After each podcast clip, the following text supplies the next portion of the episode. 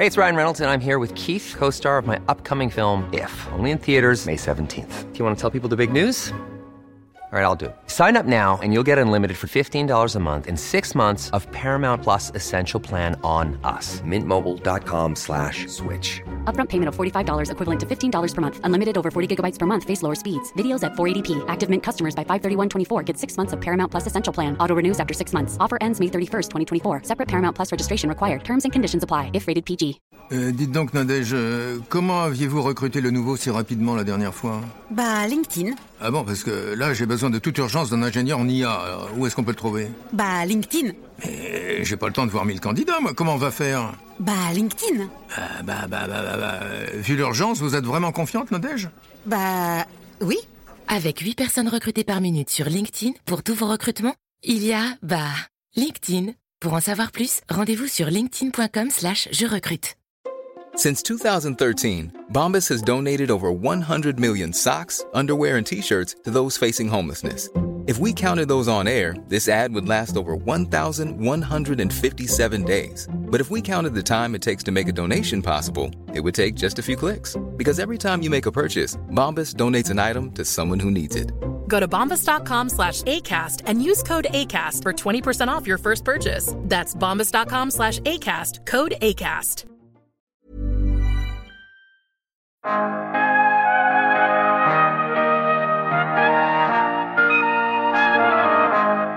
Egentligen för min del, jag vill liksom inte frösa hela världen att äta insekter, utan jag vill framförallt att folk ska vakna för andra sätt att äta och vara alternativ.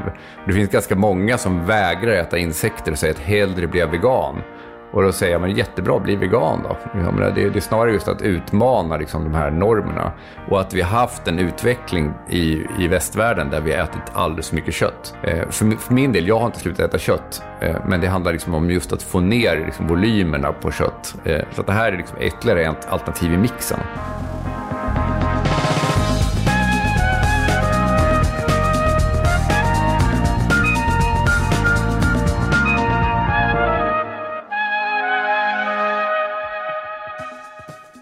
Hej och välkomna till podden Allt du behöver veta om ny teknik. Jag heter Per Danielsson. Är det en smal hipstertrend som är på väg att svalna rejält? Eller kommer vi under det här årtiondet se fler svenskar som vågar testa att använda ätbara insekter som proteinkälla till familjemiddagen? Ja, idag ska vi prata om mat utan bonde, om att odla och sälja ätbara insekter. Veckans gäst är insektsentreprenören och författaren Anders Engström som bland annat driver bloggen Bugburger och är en av de större lobbyisterna för att vi bör addera ätbara insekter till vår matmix. Och givetvis kommer vi också testa här i podden att äta rostade syrsor. Häng med! Ja, hej Anders, eh, välkommen till podden. Tack. Du, vi ska ju prata, vad kan man säga, mat utan bonde. Eh, varför fler kanske borde överväga att äta insekter. Eh, och du har ju, kan man säga, i åtta år arbetat med det här, eller hur? Ja, precis. Det började väl egentligen som ett, som ett sidoprojekt vid, vid sidan av jobbet. När jag intresserade mig för det här. 2014 var det väl egentligen. Ja, innan vi går vidare och pratar tänkte jag att du snabbt kunde berätta om din bakgrund. Du är både författare och eh, intresserad av det här. Precis. Eh, ja, jag har ju, jobbade ju många år som teknikjournalist eh, och sen så hamnade jag väl lite grann över på egentligen typ så här webbutvecklingssidan. Och eh, sen började jag då på fritiden leka journalist lite grann med mina bloggar. Eh, och då upptäckte jag just det här 2014, det här eh, ämnet äta insekter. Under en utmaning faktiskt som heter Blogget 100. Där man skulle hitta, på, hitta ett nytt ämne varje dag och då hittade jag det här med insekter. Sen började jag skriva fler och fler inlägg om det här och började inse att det här var jättespännande. Så det var så det började egentligen. Ja, och hur, hur ser din egna konsumtion eh, av insekter ut idag då? Alltså den är ju faktiskt ganska sporadisk får jag erkänna. Alltså det är väl typ sådär eh, någon gång i månaden kanske. Nu, det beror liksom lite grann på tillgång. Nu köpte jag faktiskt häromdagen köpte jag två kilo frysta syrsor. Så jag hade tacos nu i fredags med, med syrsor. Men, men vad gör du med dem? Två, två kilo frysta syrsor, mal du dem eller äter de Nej, de, de, de, just de här har jag, då, då är det lite mer hardcore. Då har jag de här i frysen hela då. Och så kan man ta fram dem, slänga dem i stekpannan och liksom fräsa dem med lite vitlök och chili och så har man i taco. Precis som man har i Mexiko. Men var, var det gott? Det är gott. Alltså det är en väldigt speciell grej. Just det, det där är svårt att få tag på just eh, färska då, eh, frysta eh, syrsor. För att de- det är en helt annan sak än de här torkade som man kan köpa. Eh, för att då, det blir så här lite mjälla liksom. Och Vad är det för, saftiga. ki- vad är det för kilopris på frysta Ja, syrsor? det var ju ganska, det är ju liksom eh, 300 kronor kilot. det är en lyxprodukt alltså. Det är en lyxprodukt. Alltså det är ju, det är någonting som är så här handodlat kan man säga. Det här är inte något massproducerat. Men, men är det någonting som hela familjen eh, tycker att det är spännande och gott? Jag skulle säga att det är framförallt jag och min äldsta dotter är väl de som, som konsumerar. Eh, Min fru konsumerar när det typ är någon riktig kock som har gjort det. och inte jag. Men, men jag har ju sett bilder på den där. Du, du har ju odlat insekter själv, eller hur? Ja, precis. Jag, I samband med att jag skulle skriva den här boken som kom ut 2018 så, eh, så blev, skulle jag testa alla grejer. Så att då provade jag att odla själv. Och hade också en sån här eh, Living Farms automatiserad eh, mjölmaskfarm hemma. Eh, som var lite spännande. Eh, tyvärr så lät den väldigt mycket, de här fläktsystemet. Så att, och det var inte så kompatibelt med min familj. Så att, ja. Jag Men, upp det. men, men om du skulle liksom göra det här på riktigt då i privat eh, regi. Hur, hur skulle en process se till, gå till? Hur skulle det se ut? Vad, vad, vad behövs och hur funkar det? Jag ska säga att normalt, jag tror inte det är, är du entusiast så kan du ganska enkelt odla insekter, det kan du göra. Eh, Det finns jättemånga i Sverige som gör det idag faktiskt till sina husdjur.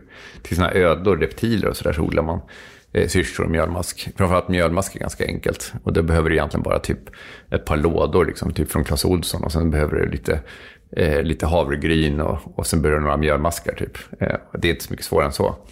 Eh, men, men jag skulle säga att för det här, för det här ska bli någonting liksom, f- som inte är någonting bara för extrema entusiaster så är det här måste någonting man kan köpa i affären. Liksom. Det, det är liksom ingenting man gör eh, om man inte är väldigt påtig och gillar att vara jordbrukare, minijordbrukare. Men om vi hoppar tillbaka till de här eh, två kilo eh, insekterna som du köpte till tacomiddagen. Ja. Räckte det åt er då? Ja, men det räcker gott. Ja. Alltså, det, är, det är ganska mycket. Två kilo, ganska mycket. Så att de har jag kvar ganska mycket i frysen. Jag tog bara jag tog typ så här 100 gram räckte till det. Liksom. Okej, så det finns till många fler Jag, tacomiddagar? jag, har, jag kan bjuda dig på tacomiddag om du vill.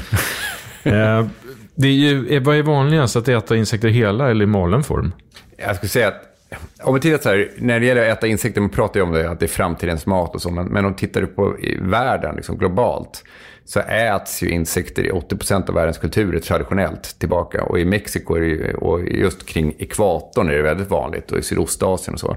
Och där äter man ju framförallt, man samlar in insekter och då äter man dem oftast hela. Eh, eller tillagar dem på något sätt. Men oftast tillagar man dem ganska mycket hela. Och det är som, som sådana proteinpaket som man äter kan man säga. Men då samlar man in dem från naturen? Man, Från naturen, Man precis. Det, det är det traditionella. Så det nya egentligen och det som är framtiden, det är väl egentligen det att man börjat odla dem. Och det i Thailand så började man odla först för typ 35 år sedan. Och där, där odlar man då eh, syrsor och några insekter, men de flesta samlar man in fortfarande. Eh, så att egentligen det som är framtiden här, det är väl just det här att, att helt enkelt att vi har insett, och det var den här FAO-rapporten som kom 2013 som konstaterade att det här är ett väldigt effektivt sätt att, att göra protein egentligen, att, att odla insekter. Så att det är egentligen det som är grejen, att kunna göra det under kontrollerade former eh, och göra det lite mer storskaligt så att man får ner priset. Men näringsmässigt då, om du jämför insekter med exempelvis eh, rött kött, kyckling och eh, fisk. Mm. Va, vad, är, vad är skillnaderna här? Är det... Ja, det är det som är spännande för att den har ju liksom just den här eh, aminosyraprofilen som är ganska likt egentligen. Rött kött har liksom alla de här essentiella aminosyrorna, så det är kompletta proteiner. Liksom. Och, så det, det är en fråga. Så att det egentligen jämförelsevis här, i, i, när det gäller de här frysta då, har, så, så är det ungefär samma som rött kött. Eh, torkar du dem och maler dem till pulver, då får du en proteinhalt på 60-70%. Eh, så det är ganska högt. Är, är det några insekter som är mer, bättre än andra? Då? Ja, alltså det är en ganska stor variation egentligen mellan olika insekter. Också innehåll när det gäller typ fetter. För att vissa insekter innehåller ganska mycket nyttiga fetter. Eh, syrsor till exempel innehåller väldigt mycket järn också. Eh, vilket är positivt här i västvärlden där faktiskt har brist av järn. Eh, och sen så innehåller det zink och en massa mineraler eh, och nyttigheter. Och sen är det fiberrikt också. Då. Så man jämför det med, med rött kött som inte innehåller några fibrer så får du också även fibrer när du äter insekter. För du äter ju det här chetinet, det här exoskelettet. Då. Mm. Säg då att du, hela din familj vill ha en måltid. Ja. Eh, hur, hur, stor, hur, hur många insekter krävs? Hur många syrsor krävs? Alltså i styck. Ja, oj. Nej, men som du, ett vanligt sätt, alltså det, man ser många som tycker att det är liksom det enklaste sättet att konsumera insekter. Det moderna sättet, och det är ju egentligen att man gör den här pulverformen och då kan man ju liksom det, baka, ha det i ett bröd eller knäckebröd eller ha det i, i en gröt eller i pannkakor och sådär. Och då, om man ska säga 100 gram eh, syrspulver, det är ju typ tusen insekter. Liksom. Det, det, det går åt en del insekter när det, när det har den formen. Mm. Eh, när det gäller när det gäller då eh, de här frysta syrsorna skulle jag vilja säga liksom att det motsvarar ungefär som om du ska göra 100 grams hamburgare så har du liksom 100 gram syrsor, liksom, typ en taco. Så har du, är du mätt. Eh, så att kanske 400 gram för en familj. Ungefär som du köper ett paket köttfärs. Liksom. 400-500 gram. Så, så är en familj på fyra personer mätta. Mm. Du var ju, har ju tid, varit tidigare här och drivit på. Du är ju någon form av, kan man kalla det för lobbyist för att äta insekter? Alltså jag, jag framförallt, egentligen, egentligen för min del, jag vill liksom inte frälsa hela världen att äta insekter, utan jag vill framförallt att folk ska vakna för eh, andra sätt att äta och vara alternativ. Och det finns ganska många som vägrar äta insekter och säger att hellre blir jag vegan. Och då säger jag, men jättebra, bli vegan då. Det, det är snarare just att utmana liksom, de här normerna. Och att vi har haft en utveckling i, i västvärlden där vi har ätit alldeles för mycket kött. Eh, för, för, min del, jag har inte slutat äta kött. Eh, men det handlar liksom om just att få ner liksom, volymerna på kött. Eh, så att det här är liksom ytterligare ett alternativ i mixen. Så jag, jag, ska, jag vill liksom inte plädera liksom att folk ska bli så här insektsätare, utan jag kan tänka mig så här, kanske långt fram, långt fram i framtiden kanske man har en insektstisdag då, eller något.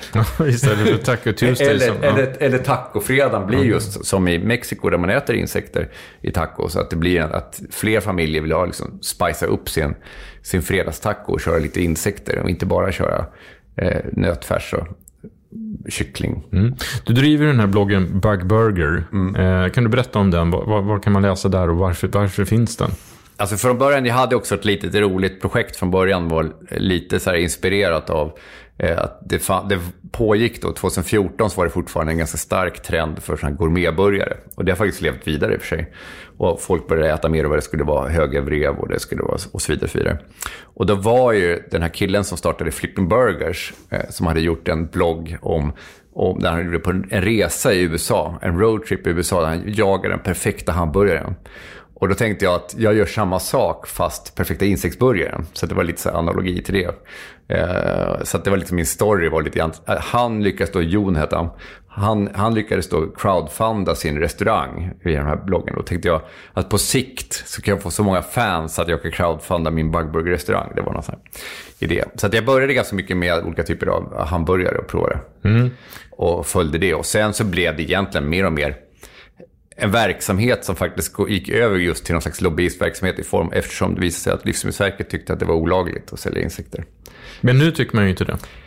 Eller? Nej, alltså nu, det, ja, det är en krånglig historia. Men det egentligen handlar om EU-lagstiftning, eh, Novel Food-lagstiftningen som kom 1997. Och sen reviderades 2018.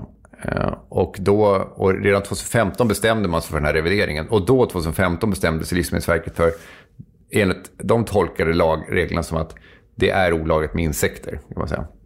Medan det fanns länder som redan tidigare sagt att insekter inte ingick i novel food-lagstiftningen. Och där fick man sälja det. Så att vi hade liksom lite uppdelat i Europa. Och då, eh, då blev det så att vi kunde, liksom, samtidigt var det öppna gränser, så jag kunde beställa saker från Storbritannien som då var med i EU, eller från Tyskland och så kunde jag beställa saker från vissa delar av Tyskland där det var godkänt. Eh, så det var liksom en ojämn marknad. Så då bestämde sig faktiskt eh, ett franskt företag att stämma franska staten i EU-domstolen. Eh, att det här var orättvist. Och fick rätt. Och EU-domstolen konstaterar att alla länder, den gamla Novosul-lagstiftningen som gällde fram till 2018, den inkluderar inte insekter. Så alla borde egentligen ha serverat insekter innan det, eller haft det lagligt. Och alla länder som hade gjort det, alla produkter som hade, det är väldigt krångligt, som hade gjort det, de får nämligen undantagstillstånd i väntan på att de här insektsprövningarna provas under den nya lagen.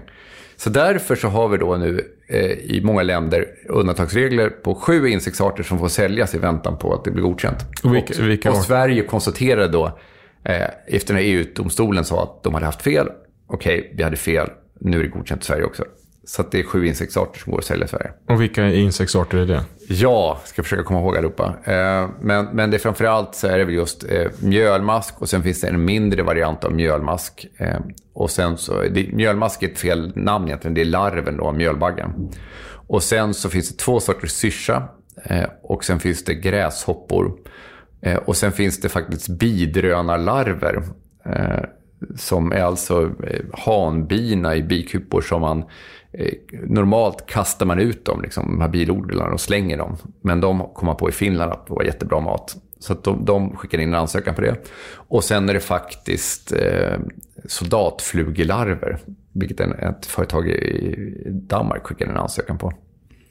Jag tror att det var alla. Men, det, det ja, Men är det här insekter som finns naturligt i vår natur här i Europa? Eller det... Ja, alla utom faktiskt den här soldatflugan. Eh, den heter egentligen på...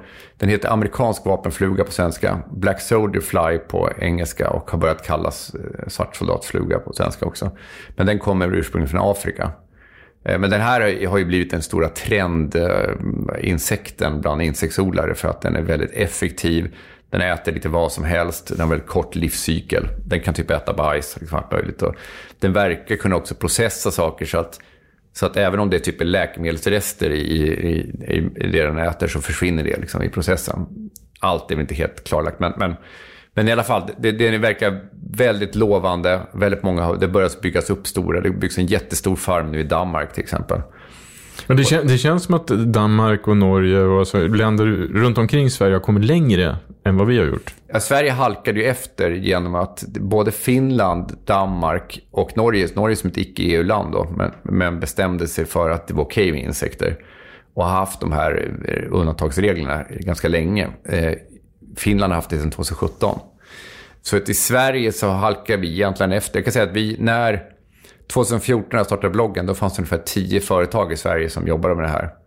Eh, och när de höll väl i, i liksom, och hade en dialog med Livsmedelsverket och sen när Livsmedelsverket bestämde sig efter Finland där 2017 att nej, vi kommer inte göra undantag för det här, då var det, flera, då var det typ bara ett företag som fortsatte.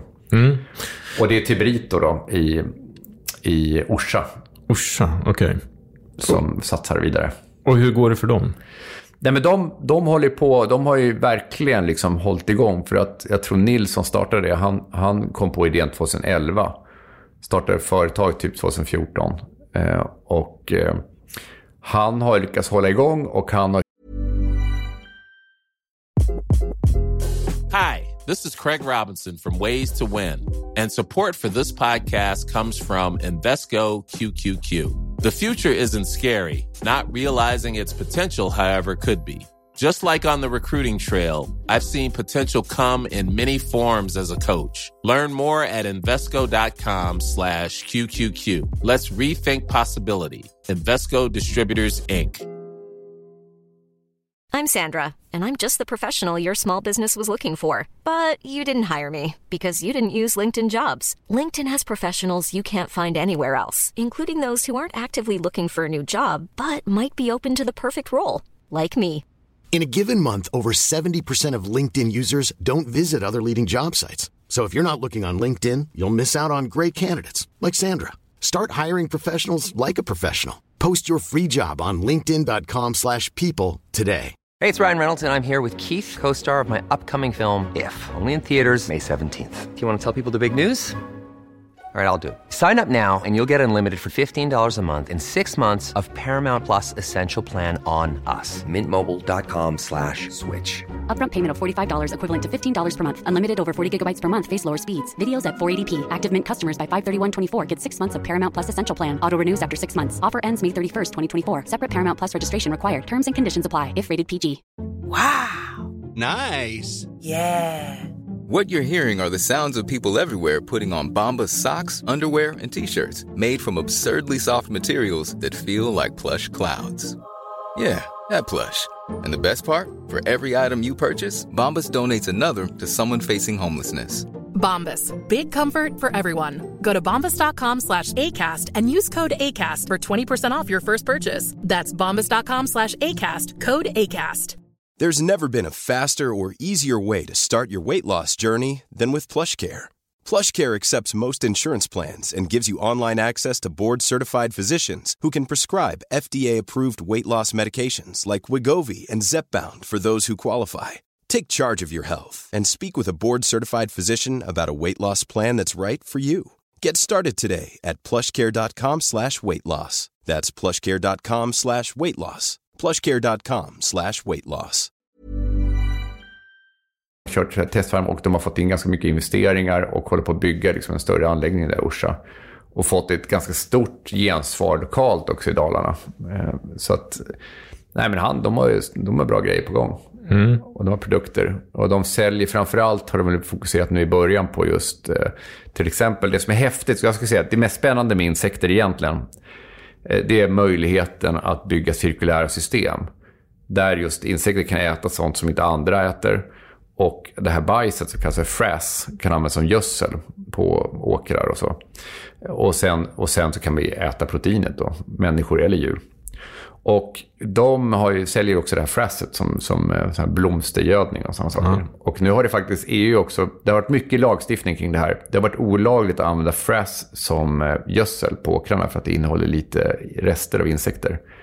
Men nu har det också på gång att bli godkänt i EU. Så att, Right. Du har, här bredvid, bredvid dig så ligger ju då din bok då, Äta insekter, det stora proteinskiftet. Ja. Eh, och den här kom ut 2017, eller hur? 2018. 2018. Ja. Eh, vad, vad, vad vill du säga med boken?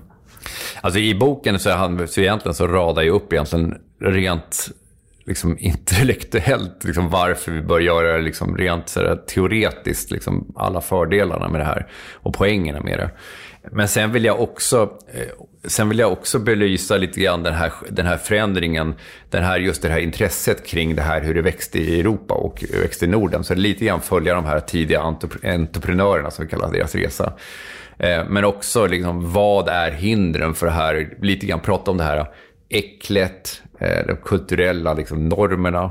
Och sen också handgripligt, var egentligen beställningen från förlaget var det ska bli Sveriges här, äta insekter-bibel. Eh, Så att det är också så här, innehåller recept, det innehåller väldigt så här, praktiskt how-to, det är till och med hur man kan gå ut i naturen och plocka insekter. Så att det var lite grann allt för dig som är intresserad av att äta. Ja, Mm, Men har du gjort det själv? Gått ut i naturen och plockat insekter? Ja, nej, men alltså, jag har gjort alla de här grejerna. Eh, Men sen just äta, eller just det, det som är en poäng här i Norden, det är att vi har så pass lite insekter. Eh, I Mexiko till exempel, där man äter då, i de länder där man samlar insekter, det är ofta så att det kommer väldigt stora svärmar av vissa insekter i vissa perioder. Så det är liksom inte en, det är ingen stor energiförlust att samla in dem. I Sverige så förlorar vi mer energi på att samla in dem än vad vi får av insekterna. så, att, så att det blir mer liksom som en liten kulinarisk grej. Liksom. Det enklaste egentligen, det är att, det är tips, det är ett tips nu inför midsommar, fast det är knappt man hinner det. Men det är att samla in eh, eh, myror. Det är ganska enkelt. Eh, och det är en väldigt speciell syra, den här myrsyran. Och det är faktiskt något som används traditionellt i Sverige att göra i snaps. Eh, Så att man stoppar i, man samlar upp ett gäng myror, slänger i dem i, i vodka eller brännvin. Och sen låter man ligga där några dagar. Och det blir väldigt bra, alltså det hela, det blir väldigt len, liksom, spriten. Alltså det är som, den här syran plockar liksom ner den. Så det, det är som att... Men du har smakat det? Ja, ja. Men det brukar jag göra till midsommar. Jag har faktiskt glömt att göra det i år. Men sväljer man, För vi har ingen midsommarfirande år. Sväljer man myrorna där också? Ja, eller? ja, men då får man lite extra proteiner där. Och lite C-vitamin tror jag det också. Du har också med dig två stycken påsar här med eh, insekter. Kan du berätta vad det är för någonting? Ja, här är då från Finland. Men det här är lite grann, jag brukar ta med bara som en enkel eh, grej. Och det är egentligen eh, rostade syrsor med salt i det här.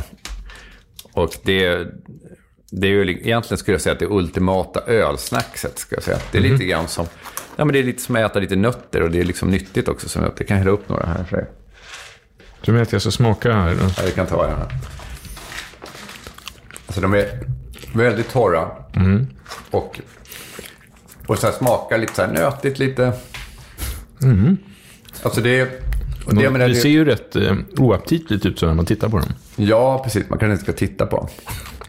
Men det är ju hela insekten liksom. Och det är verkligen så att det är väldigt torrt. Mm. Det smakar ju ganska bra. Ja, så att man känner liksom, det är lite grann som att äta typ nötter och grejer. Och, Så att det är ett naturligt snacks. Och det har ju gjorts, Jag är faktiskt lite förvånad att det inte... Det, det, är ju tillåtet i Sverige nu. Det är lite krångel kring, kring livsmedelsregler och grejer. Men att det inte är någon bar i Stockholm som har tagit upp det som ett barsnacks egentligen. Alltså som en kul grej. Som du kan köpa en skål med, med syrsor istället mm. för nötter. Det kanske kommer efter det här avsnittet. Det kanske gör det. Och sen här har jag ett annat. De här är då från Finland, importerade från Finland. Eh, och här är också från Finland. De här är, men här är ju mycket... Det här är ju bara liksom, här är de ju i choklad liksom. Det är också det är en syrsa i, i smältchoklad? Ja, typ. Så att det är liksom mer som lite kexchoklad liksom. Typ, mer. Jag tror inte, ja. Mm. Mm, jag är förvånad. Det är första gången jag äter insekter. Är det mm. Medvetet i alla fall. ja, precis. Vi, vi, får i oss en del insekter via grönsaker och sådär. Jo. Men de här två påståendena säger du importerar. Finns de där att köpa på hylla i Finland? Ja, det finns väl i... Ja. I, hipster, i hipsterställen? Ja, men det finns vissa så butiker. Det finns lite sådär typ hälsokostbutiker och sånt som var, som var ganska tidiga med det. Eh, det finns på en del platser, det gör det. Men det var faktiskt så, det, det, är en intressant process där i Finland. För 2017 blev det då, då bestämde sig... Eh, egentligen i Danmark hade de undantagsregler redan från 2015. Och i Finland så lobbar man för att man ska göra samma sak. Och 2017 så bestämmer man för det och då kom det ut massvis med produkter. Alltså det kom ut Ja, det kom ut så här typ 15-16 olika varor ganska snabbt liksom, i, i livsmedelshyllorna. Alla skulle haka på det här. Men problemet var att många av de produkterna var... Eh, ett problem är pris. Alltså just att fortfarande så är det så att de här anläggningarna har liksom inte fått ner priset riktigt, i alla fall inte då. Eh, och, och sen var det ju också att de här produkterna kanske inte var så genomtänkta. Som till exempel kunde man köpa ett paket med ett kvarts kilo granola för typ 10 euro. Eh, som innehöll liksom 15 syrsor som rullar runt där ibland. Eh, det var liksom lite meningslöst. Man kanske köpte det paketet en gång. Mm. Och det var många som köpte det en gång. Fatser var till och med inne och gjorde ett syrsbröd, en bake-off-bröd i butik. Eller så eh, Eh, med syrsmjöl i och sådär. Men hur är responsen från typ eh, ICA och Coop och Hemköp och de här som stora matvarukedjorna? Eh, tror att, finns det något intresse där överhuvudtaget att lyfta fram det här på hyllorna? Alltså jag har, ju, jag har besökt alla de här kedjorna och pratat med dem. Och jag jobbar ju också, nu jobbar jag för, eh, för något som heter Agfo. Som är ett, egentligen ett affärsnätverk för, för, för alla aktörer i livsmedelsbranschen. Och håller på mycket med framtidens mat. Och det finns ett stort intresse från, för både, både Coop och, och Dagab och Ica är med där. Eh, och Axfood. Och det finns ett stort intresse, eh, det gör det ju. Men de är också, eh, problemet är just det här när man, de tittar ju också på hur det har gått i andra länder, som till exempel Finland. Att problemet när man slänger ut saker på hyllorna är just att det funkar inte med varor som köps bara en gång. Liksom. Det måste ju vara att folk återkommer. Mm. Så att göra det som en fast del av sortimentet kommer nog ta ett tag. Så det kommer dröja innan ICA-Stig lyfter fram en sån där påse i reklamen? Ja, det kommer det göra. Däremot så finns det ju liksom enskilda, just ICA är ju ganska decentraliserat så tillvida att enskilda ICA-handlare skulle kunna plocka upp det. Liksom. De skulle kunna ta in en batch och köra liksom, insekts. Tyvärr kommer de säkert köra det vid typ halloween och tycka att det är lite scary eller något sånt där. Något creepy crawlies eller något sånt där. Ehm, men, vem vet? Men, men, men, jag tror att, jag tror för att det ska slå i Sverige just, alltså det finns olika, olika typer. Dels är det här, dels är det det som kallas för stealth food, att man har det som en, en komponent i produkter, liksom just det här proteinpulvret. Och där, det kommer nog... Jag, jag, tror att för att det ska kunna funka och etableras så måste det ändå bli accepterat som mat. Och det menar inte jag att alla ska vilja äta det, utan att man, precis som med räkor, alla äter inte räkor, men alla accepterar att det är mat. Det måste, vi måste nå en liksom slags tröskel där folk eh, accepterar insekter som mat. För att, folk ska, för att man ska kunna även ha det bara som en pulverkomponent, liksom, i, tror jag. För att det verkligen ska kunna gå igenom. Men, men, men, det, men det de här produkterna, jo men det är hur det slår igenom. Jag tror en, en väg det skulle kunna slå igenom det är faktiskt via restauranger. Och det man ser ut i världen det är just eh, mexikanska restauranger som vill vara lite så autentiska och kör lite så här Oaxaca-style. Eh, jag har ju varit i, jag var för massa år sedan i Boston på mexikansk restaurang och köpte så tacos de chapulines. Det, det är alltså gräshoppor liksom, i tacos. Mm. För att det är liksom någonting man äter traditionellt i, Mexiko. Men om man tittar då på industrialiseringen av eh, produktionen av den här typen Ja. av, av livsmedel och mat. Eh, var befinner vi oss idag någonstans? Alltså det vi befinner oss nu är att vi har ju ett antal... eh, Det ser vi faktiskt just nu en lite så här konsolidering och att det finns en del som har hållit på ganska länge som har nu fått ganska mycket pengar. Framförallt ett franskt företag som heter Insect som fick nu för två år sedan, och nu, jag glömmer alltid bort den här siffran, men det är liksom det är typ 300 miljoner eh, euro eller, 300, eller vad är det? Ja, det är väldigt, väldigt mycket pengar i alla fall. Jag, fick, jag, tror, jag tror det var den största det var den största matinvesteringen på flera år när den kom. Och, och den, den investeringen, det är ju att de ska bygga en jättestor anläggning där i Frankrike och det är det mjölmask. Och det är samma sak den här stora Black Soldier Fly, eller amerikansk vapenfluga-anläggningen i Danmark. De har också fått, de fick så här 50 miljoner euro under, tror jag. För att bygga en, liksom en stor anläggning. Så att det börjar komma in pengar. Så att vi väntar ju fortfarande lite grann på impacten från de fabrikerna. Vad det kommer innebära. Och hur det kommer se ut när de skalar dem. Samtidigt ser jag att det, det är viktigt för att det ska finnas en poäng med det här. Så ska det vara just att man kan använda sig av sidoströmmar. Eller att man kan använda sig av annan typ av, att man kan skapa någon slags form av kretslopp som är smart här. Om det är så att man bara flyttar över, som i Thailand till exempel, väldigt många av de här som, som odlar syrsor, de köper liksom in kycklingfoder med fiskmjöl i. Då är det helt meningslöst. Det är samma conversion ratio på en kyckling som en syrsa nästan. Liksom. Okej, syrsan är lite effektivare, men det är ingen jättestor skillnad. Så att då kan man lika ner det till kycklingen. De har liksom inte gjort någon vinst. Utan poängen här är att just hitta de här Ja, till exempel att man, man, ja, man använder drav från eh, ölbryggerier eller vad det kan vara för några olika källor. Men eh, hur mycket vet vi idag om den samlade miljöpåverkan och eh, kanske riskerna med en industrialisering av insektsodling? Alltså det har gjorts livscykelanalyser som vis, visar att det blir mindre utsläpp liksom, jämfört med, och det beror på vad du jämför med någonting. Men, men, men, men den stora, jag säga, de stora kostnaderna, miljökostnaderna för en insektsodling, är i första hand är det energi. Eh, det är uppvärmning. För, för det som gör insekten så effektiv, det är att, att, att odla, det är att den lägger all sin energi på att växa och att röra på sig. Medan vi lägger mycket av vår energi på att hålla en jämn kroppstemperatur.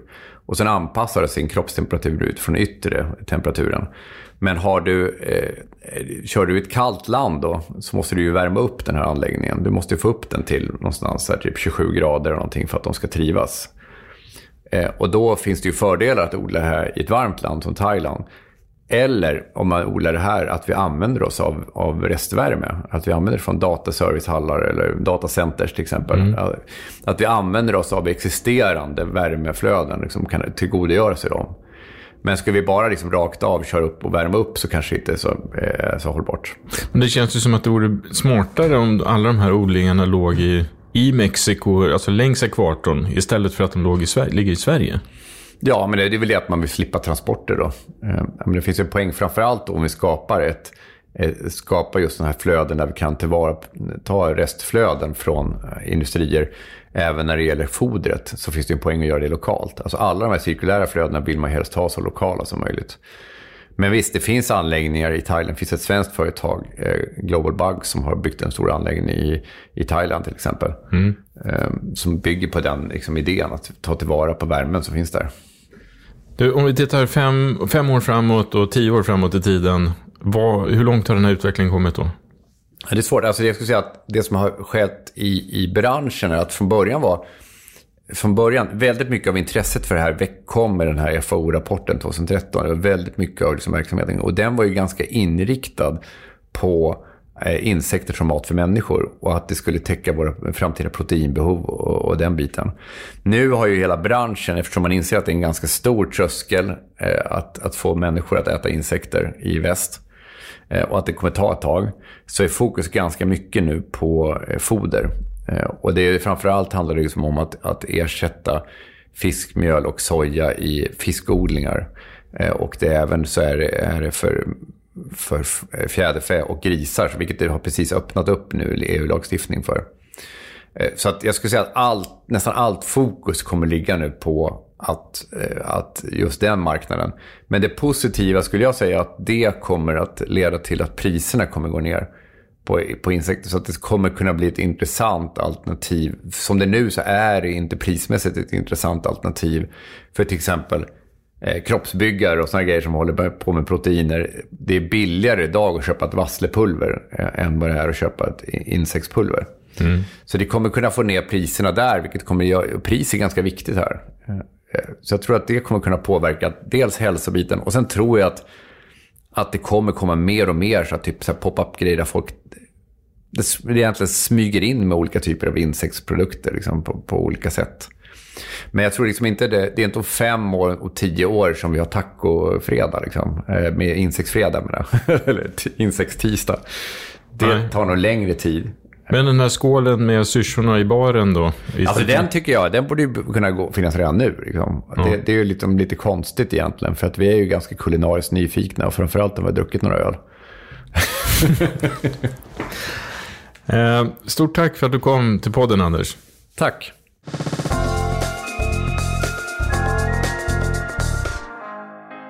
Stort tack för att du har lyssnat på veckans avsnitt. Klicka gärna på prenumerera så missar du inget avsnitt. Och har du synpunkter eller idéer på ämnen vi ska ta upp här i podden så mejla gärna till redaktionen nyteknik.se. Vi hörs nästa vecka. Tack så mycket. Hej då!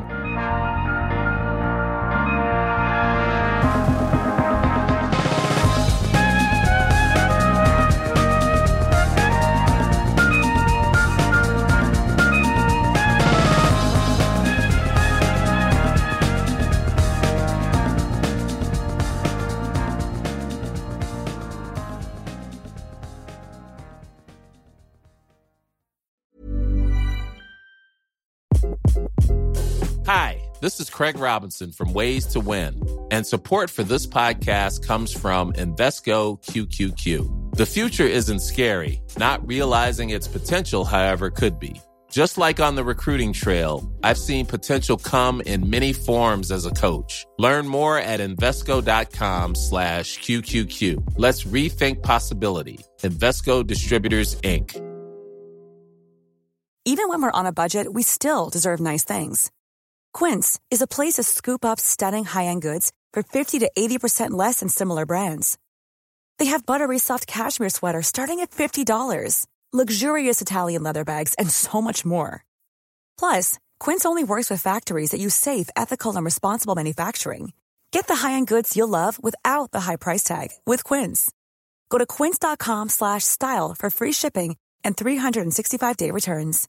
When you make decisions for your company, you look for the no-brainers. And if you have a lot of mailing to do, stamps.com is the ultimate no-brainer. It streamlines your processes to make your business more efficient, which makes you less busy. Mail checks, invoices, legal documents, and everything you need to keep your business running with stamps.com.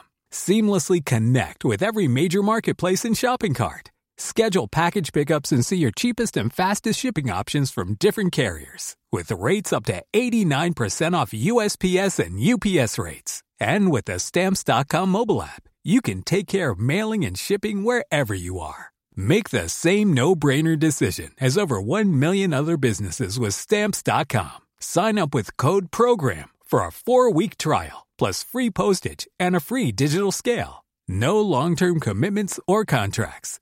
That's stamps.com. Code program.